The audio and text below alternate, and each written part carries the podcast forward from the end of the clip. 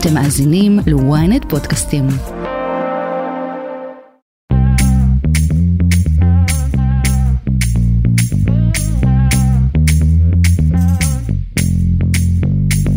שלום לכם, אתם איתנו על כסף חדש, הפודקאסט הכלכלי היומי של ynet. היום יום רביעי, 16 באוגוסט. אז מה יש לנו היום? אינטל הודיעה על ביטול העסקה לרכישת טאוור הישראלית, ואנחנו נשוחח עם דוב מורן, יזם, ממציא הדיסק משקיע הון סיכון ולשעבר יו"ר חברת טאוור, שיעשה לנו סדר במלחמת השבבים בין סין לארצות הברית, וינתח את השפעתה על ההייטק הישראלי ככלל ועל חברת טאוור בפרט. אני אחד הדבר מפתיע בעיניי, אני לא בטוח שזה דבר רע לאינטל, ואני גם לא בטוח שזה דבר, בסופו של דבר, רע לונג טרם לטאוור. וגם, הלשכה המרכזית לסטטיסטיקה פרסמה היום נתוני צמיחה מאכזבים. כתבנו, גד ליאור, יספר לנו על משמעות הנתונים עבורנו, הישראלים הממוצעים, ויסביר לנו מדוע גם בממשלה צריכים להתחיל לדאוג. אלה נתונים לא טובים, אלה נתונים של ירידה ברמת החיים. המצב של האזרחים הוא רע, בעיקר בגלל העלייה בריבית. לסיום, זינוק שער הדולר עלול לייקר את מחירי המוצרים המיובאים, שבועות ספורים לפני החגים. רואת החשבון יוליה לוי, מנכ"לית פיינלי פייננשל קונטרול, חברה המעניקה שירותי ניהול כספים והנהלת חשבונות לחברות, תספר לנו כמה ישפיע שער השקל על כל אחד מאיתנו, ומה בכל זאת אפשר לעשות כדי להתמודד עם היחלשות המטבע המקומי. ההמלצה שלי בתקופה הזאת אה, אה, כן אה, להימנע עד כמה שאפשר מקניות שאפשר להתאפק איתן, מה שנקרא, כי אם המקרר עובד אפשר לסחוב עוד קצת. אני דן רבן, עורך התוכנית הוא יאיר חסון, ונדב ברכה על הביצוע הטכני. כסף חדש, הפודקאסט הכלכלי היומי של ynet, מתחילים. ענקית השבבים אינטל הודיעה הבוקר על ביטול העסקה לרכישת יצרנית השבבים הישראלית טאוור לפי שווי של 5.4 מיליארד דולר. זאת לאחר ששתי החברות לא הצליחו לקבל את אישור הרגולטורים בסין עד למועד הרכישה לפי החוזה שהסתיים אתמול בלילה. נראה שהאישור אה, לא צפוי להתקבל בטווח הזמן המיידי ואינטל תשלם לטאוור פיצוי על הביטול בסך 353 מיליון דולר. אנחנו רוצים להבין קצת יותר מה גרם לביטול העסקה ובכללי מה החשיבות של העסקה הזאת ובשביל זה אני רוצה להגיד שלום לדוב מורן, יזם, ממציא הדיסק און קי, משקיע הון סיכון ולשעבר יו"ר חברת טאוור, שלום דוב. אהלן, שלום.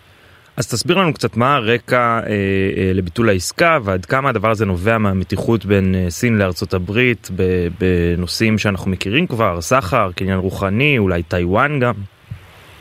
אה, תראה, קודם כל יש סיפור של למה בכלל עסקה, אבל אם נתמקד בביטול שלה, זה לא ביטול עסקה. אה, יש תהליך שבו כדי לבצע מיזוג בין שתי חברות משמעותיות בתעשייה, ואינטל זו חברה משמעותית, טאוור גם חברה משמעותית בשוק שלה, נדרשת uh, הסכמה של רגולטור בכל מדינה, uh, מה שבדרך כלל מתקבל די אוטומטית. בכל העולם uh, לא הייתה בעיה לקבל אישור רגולטור uh, לעסקה הזאת של מיזוג טאוור לתוך אינטל, ובסין הרגולטור הסיני אמר, אני לא מאפשר את המיזוג הזה. ולמרות שניסו, ואני חושב שפט גלסינגר נסע לסין גם דיבר על הנושא הזה לפתח, אה, הרגולטור עשה דווקא ואמר לא מאשר, ואז מטבע הדברים איש אבצע עסקה, כי זה מסבך ביצוע עסקה כשרגולטור לא מאשר, זה מסובך מאוד, זה מקשה, זה בלתי אפשרי בעצם. כלומר, אתה אומר העסקה לא בוטלה אלא לא יצאה לפועל. נכון. זה הדבר היותר נכון להגיד, ובכל זאת זה עלה לא מעט לאינטל, 353 מיליון דולר, זה אה, לא דבר שבא, אה, מה בכך גם עבור אה, ענקית כמו אינטל. קודם כל אינטל זה חברה של עשרות מיליארדי דולרים, עם קופה מאוד משמעותית, אני חושב שזה... כן, אבל אתה יודע, זה... זה 350 כן, מיליון דולר, זה 350 מיליון דולר על כלום, זה אולי לא מזעזע, אבל זה בטח לא נעים. אינטל עשתה הרבה השקעות בסכומים יותר גבוהים, שלא יצא מהם כלום. אה, אני, אני חושב שה, שהביטול של העסקה, אה, כן, יש פה את הצד הכואב של איבוד הכסף, תשמע, בנו על זה, ו, ואני, הייתה הרבה חשיבה באינטל, מה עושים ביחד. אני אחד הדבר מפתיע בעיניי, אני לא בטוח שזה דבר רע לאינטל, ואני גם לא בטוח שזה דבר, בסופו של דבר, רע לונג טרם לטאוור. תסביר. הסיבה בכלל שהעסקה בוצעה, אה, נשארה ספק הרכיבים, יצרן הרכיבים, היחידי בעולם בעצם, שיש לו גם את החברה שעושה את הדיזיין ואת המכירה, וגם את הבית חרושת לרכיבים, שזה נקרא בעגה המקצועית פאב.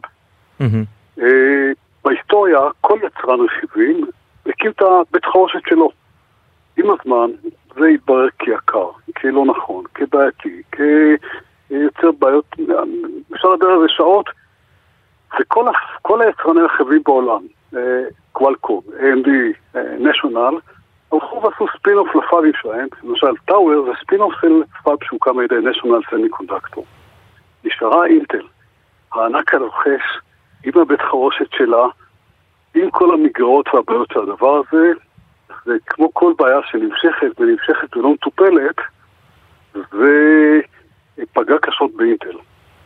אינטל הבינה שהיא צריכה לעשות שינוי, צריכה להפוך את הפאב הזה לכזה שמייצר גם לאחרים, זה נקרא פאונדרי, נותן שירותים של ייצור רכיבים לאחרים, וזו הסיבה שהיא בעצם קנתה את טאוור מתוך מטרה שטאוור תעמוד בראש המפעל הזה, החיבור של הפאבים, ותביא את הידע שלה והיכולות שלו, שלה בתחום השירותים, שירותים לחברות, הפאונדרי. אה, אני חושב, שה, אני חושב שההחלטה של אינטל הייתה רעה. אה, אני חושב שזה לא היה מצליח, אני חושב שזה פוגע בסוף גם באינטל וגם בטאוור, בלונג כן? למה ו... בדיוק? אני עדיין לא, לא יושב בדיוק על, ה, על הסיבה שאתה אומר, למה אתה חושב שזה לא יצליח, ולמה בכלל באינטל כן. אומרים ההפך? כן, אז, אז באינטל, באינטל, הבעיה של אינטל כיום זה הפאבים של TSMC וסמסונג, שהם הרבה הרבה יותר מתקדמים מאלה של אינטל. כשאני אומר יותר מתקדמים, הם מייצרים בגיאומטריה, אה, גיאומטריה ורוחב המוליך אה, הרבה יותר דק, ואז הם דוחסים יותר צ'יפ, יותר טרנזיסטורים, יותר אלקטרוניקה לתוך אותו צ'יפ. הצ'יפים שמייצרים הם יותר זולים. אינטל נפגעת מזה בסוף, גם במחיר שהיא מוכרת וגם בהספק של הרכיבים שלה. זה פגיעה לאורך כל הדרך. אוקיי. Okay. היא צריכה לעשות תהליך של לעבור לגיאומטריה חדשה, זו השקעה של עשרות מיליארדים. ואתה אומר הרכישה של טאוור לא עוזרת לה בצד בכיוון הזה. נכון, טאוור זה fab נורא נורא נחמד. אני ידעתי את טאוור, שטאוור היו על סף קריסה. ו-99% בפשיטת רגל. ותשמע, הדבר הכי משמעותי שאני חושב שנעשה בטאוור, זאת ההבנה הזאת שאנחנו לא יכולים להתמודד מול הענקים. וצריך להישאר fab שהוא מאוד dedicated לדברים מאוד ספציפיים, נדרשים בתעשייה. כן, לייצר אה, יתרון אה, תחרותי בתוך אה, השוק העצום הזה. אבל זה נישה. עכשיו, פאב, טאוור הוא פאב נישה, ונפלא שהוא כזה, ואחלה שהוא כזה, ואנשים מבינים את זה ויודעים את זה, עושים את העבודה הנהדרת, וזה אחלה אנשים. ולכן טאוור מצליחה. עכשיו, אתה מנסה לחבר את הדברים האלה, וכמו שתקנה איזה רוכב אופניים, אופני נורות צניח, כן? Mm-hmm. כדי שהוא ינהג לך את הטרקטור. ניטל זה הטרקטור, כן? כן? הוא צריך להחליף את המנוע, הוא צריך, אה, אה, הוא צריך אה, לדעת איך מעמיסים, איך פורקים, כן?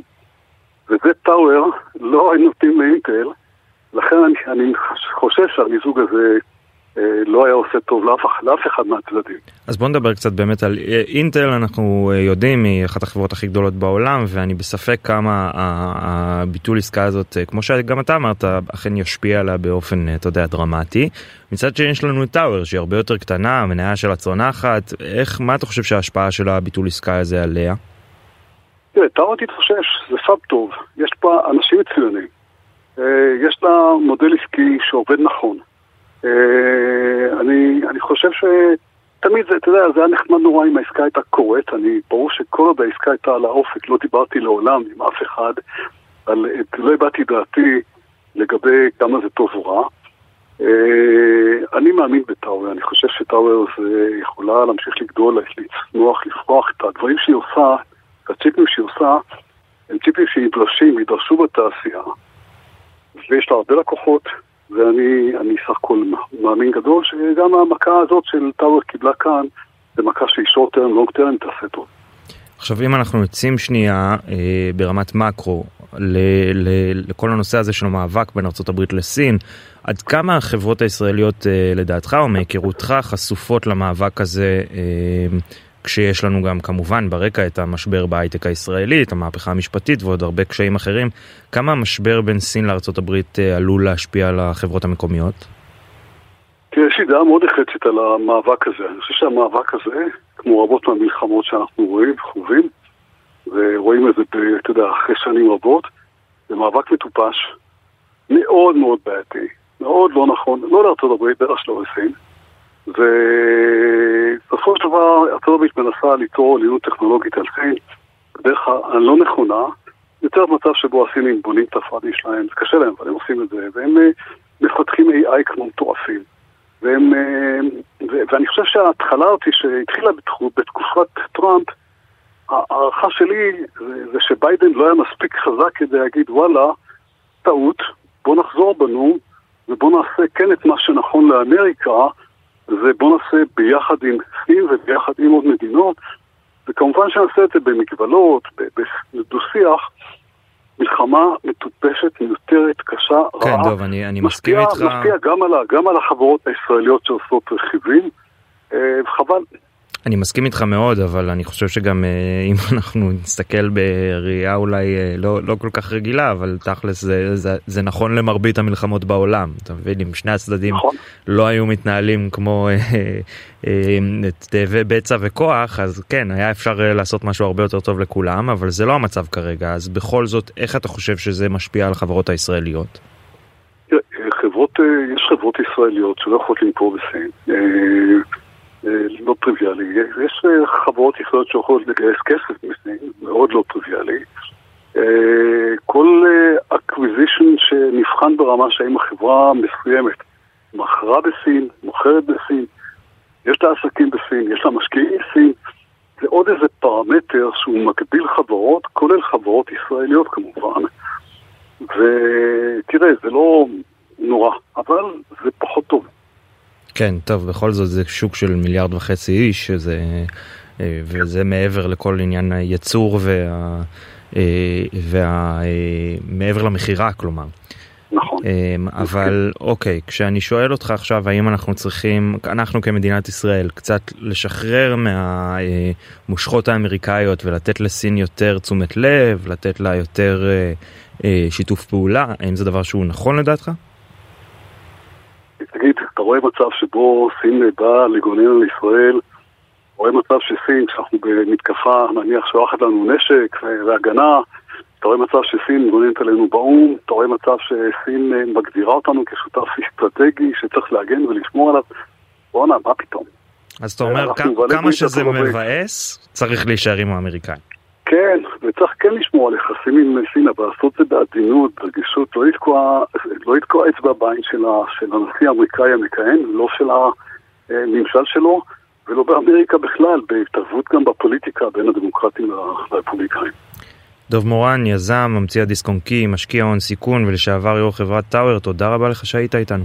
תודה רבה לך, ביי ביי.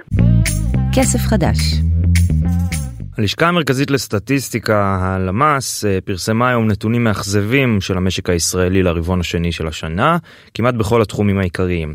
הצמיחה הסתכמה רק בשלושה אחוזים בחישוב שנתי לעומת הרבעון הקודם, וגם לעומת הרבעון המקביל ב-2022, וזה אחרי צמיחה של 2.9 אחוזים ברבעון הראשון.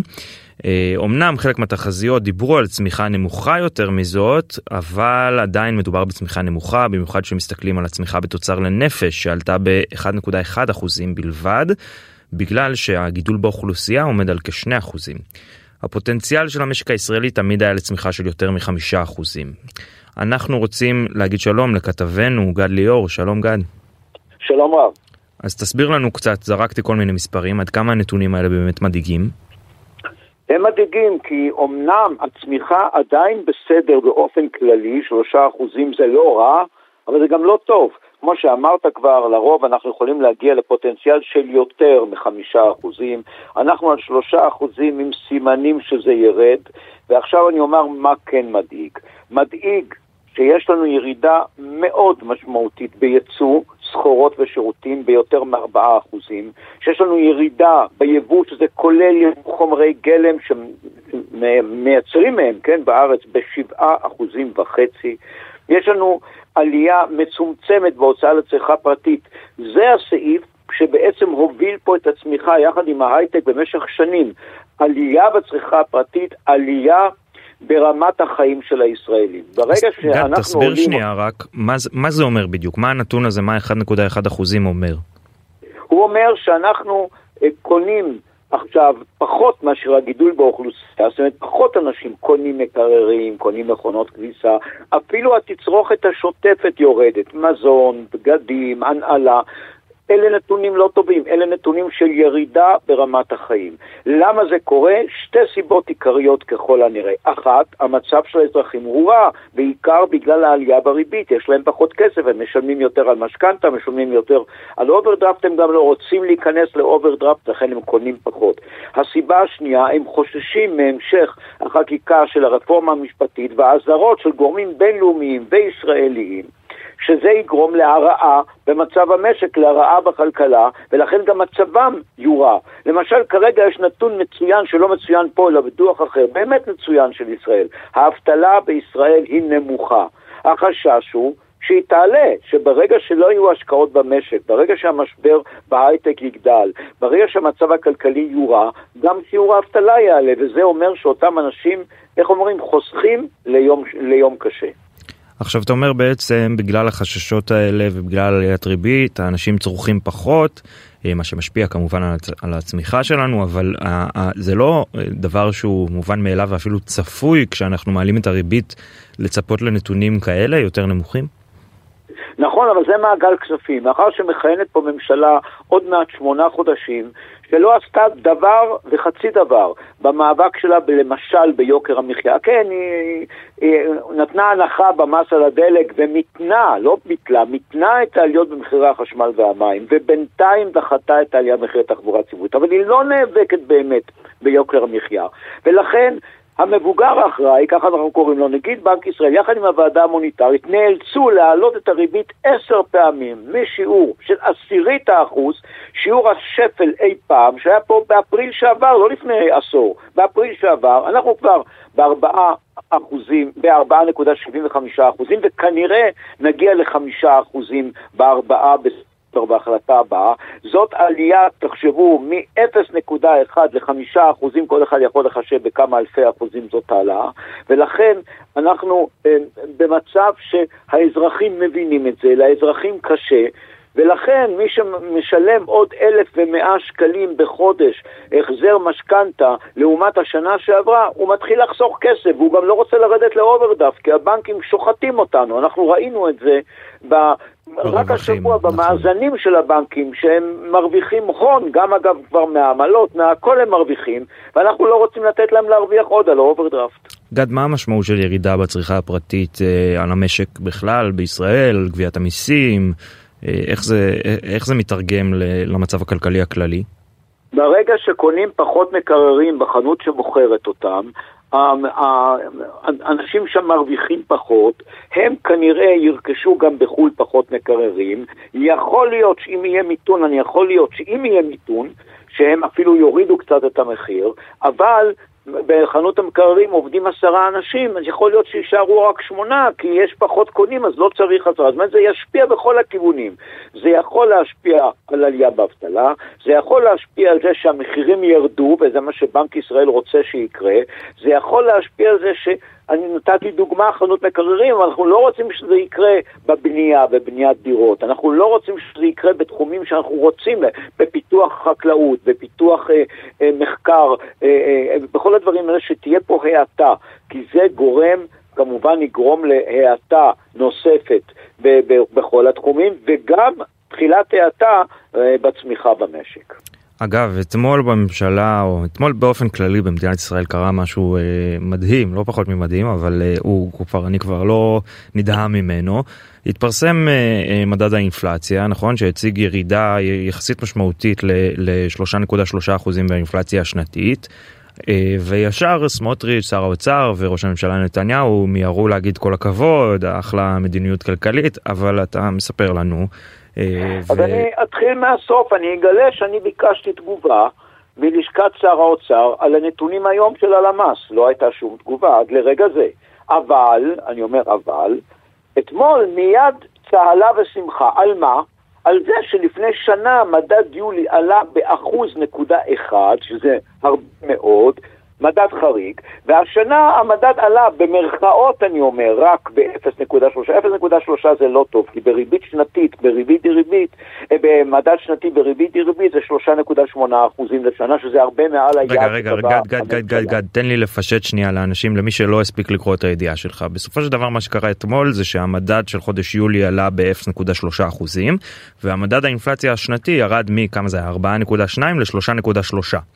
אה, נכון. עכשיו הסיבה שזה ירד זה לא בגלל שהאינפלציה נבלמה אלא זה בגלל שהחישוב הוא חישוב מיולי עד יולי כלומר חישוב נכון. שנתי. יולי הקודם הייתה היה זינוק משמעותי ולכן הייתה ירידה עכשיו אבל מה שאומר שאנחנו בחודש הבא באוגוסט ככל הנראה נראה שוב פעם זינוק בגלל שאוגוסט לא היה משמעותי בשנה שעברה או לא היה משמעותי כמו יולי. כלומר אתה אומר הם לקחו את, ה, אה, אה, את המשחק חישוב הזה ועליו אמרו הנה תראו הכלכלה במצב מצוין. אנחנו בלמנו, אומרת הממשלה, מה בלמתם? מה, מה הקשר שלכם למה שהיה, אגב, לא הייתה גם אז הממשלה הזאת, כן? שהיה אז מדד גבוה לפני שנה ושעכשיו הוא נמוך, מה, מה בלמתם? אולי תראו לנו מה הצעדים שעשיתם. נכון, אני אומר נכון, אתם בינתיים לא מאפשרים למחיר הדלק לעלות, אתם מסבסדים את המחיר. אבל איך אמר לי מישהו מהאוצר, זה בא מכיס אחד, הולך לכיס אחר, כי הרי צריך את הכסף הזה, לכן יהיה צמצום באיזשהו מקום, כי אנחנו הוצאנו כבר, אנחנו, המדינה, הוציאה שני מיליארד שקלים כדי לסבסד בשנה ורבע האחרונות את מחיר הדלק בישראל. המחיר היה אמור להיות עכשיו לפחות שבעה שקלים וחצי. מחיר הדלק זה לא הדבר המשמעותי ביותר במדד האינפלציה, כלומר הם יכולים לסבסד את זה כמה שהם רוצים, אבל בסוף הדלק מגיע לרוב האנשים העשירים. אה, למי שיש להם נכון. מכוניות. זה נכון, ואז בואו בוא נזכיר את הנתון שארבעה העשירונים העליונים ממלאים 80% מהדלק בתחנות.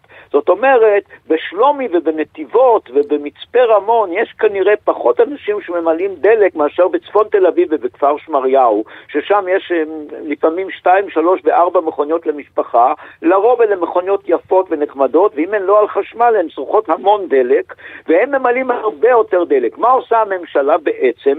מסבסדת פה את ארבעה העשירונים העליונים. על חשבון כולם. זה בזמן שכמעט העלו, כמעט העלו את מחירי התחבורה הציבורית ב-12%. אגב, זה עוד יקרה, הרי אי אפשר הרבה זמן למנוע. כרגע שר האוצר וש... ו... ושרת התחבורה מנעו את ההעלאה הזאת, אבל זה כנראה יקרה. גד. ומה שהמדינה צריכה לעשות, אני אומר כרגע, זה להעלות את קצבאות הזקנה, זה לתת בצד של ההכנסות יותר, אולי למשפחות מרובות ילדים, ולא להוזיל מחירים לעשירים. גד, בחצי משפט אמרת, אנחנו צופים עוד העלאה מ-4.75% ל-5% ריבית בהחלטה הבאה. כמובן שזה רק אה, נכון לעכשיו, וזה דבר שיכול וכנראה ישתנה עוד הרבה פעמים עד החלטת ריבית בספטמבר. תסביר למה בעצם הירידה באינפלציה הזאת, מה, מה, מה הקשר שלה לריבית ולמה אנחנו עדיין צופים העלאה. יפה, אז מה שקורה זה שאם האינפלציה יורדת, אז בעצם בנק ישראל השיג את מטרתו. אז למה להמשיך להוריד את הריבית? בינתיים להעלות. הריבית עדיין חורגת, אמרנו, מעל היעד. היעד של הממשלה הוא 1 עד 3 אחוזים בשנה, שהממוצע הוא 2 אחוזים. אנחנו נמצאים עכשיו מעל 3 אחוזים, כנראה, כמו שאתה כבר הזכרת, נעלה ל-4 אחוזים בחזרה כבר בחודש הבא. אבל, אני אומר אבל, אה, כרגע המצב הוא שיש כמה וכמה סיבות להעלות או לא להעלות ריבית. לדוגמה, בארצות הברית חידשו את העלאות הריבית, אולי ישראל צריכה גם. לדוגמה, היום פורסמו נתונים קשים של הלשכה המרכזית לסטטיסטיקה שמחייבים מחשבה של הוועדה המוניטרית של בנק ישראל לשני הכיוונים. האם בגלל הנתונים האלה יש האטה במשק ואולי לא נעלה ריבית, או להפך, האם הנתונים הם לא טובים ואנחנו צריכים קצת להרגיע ולה...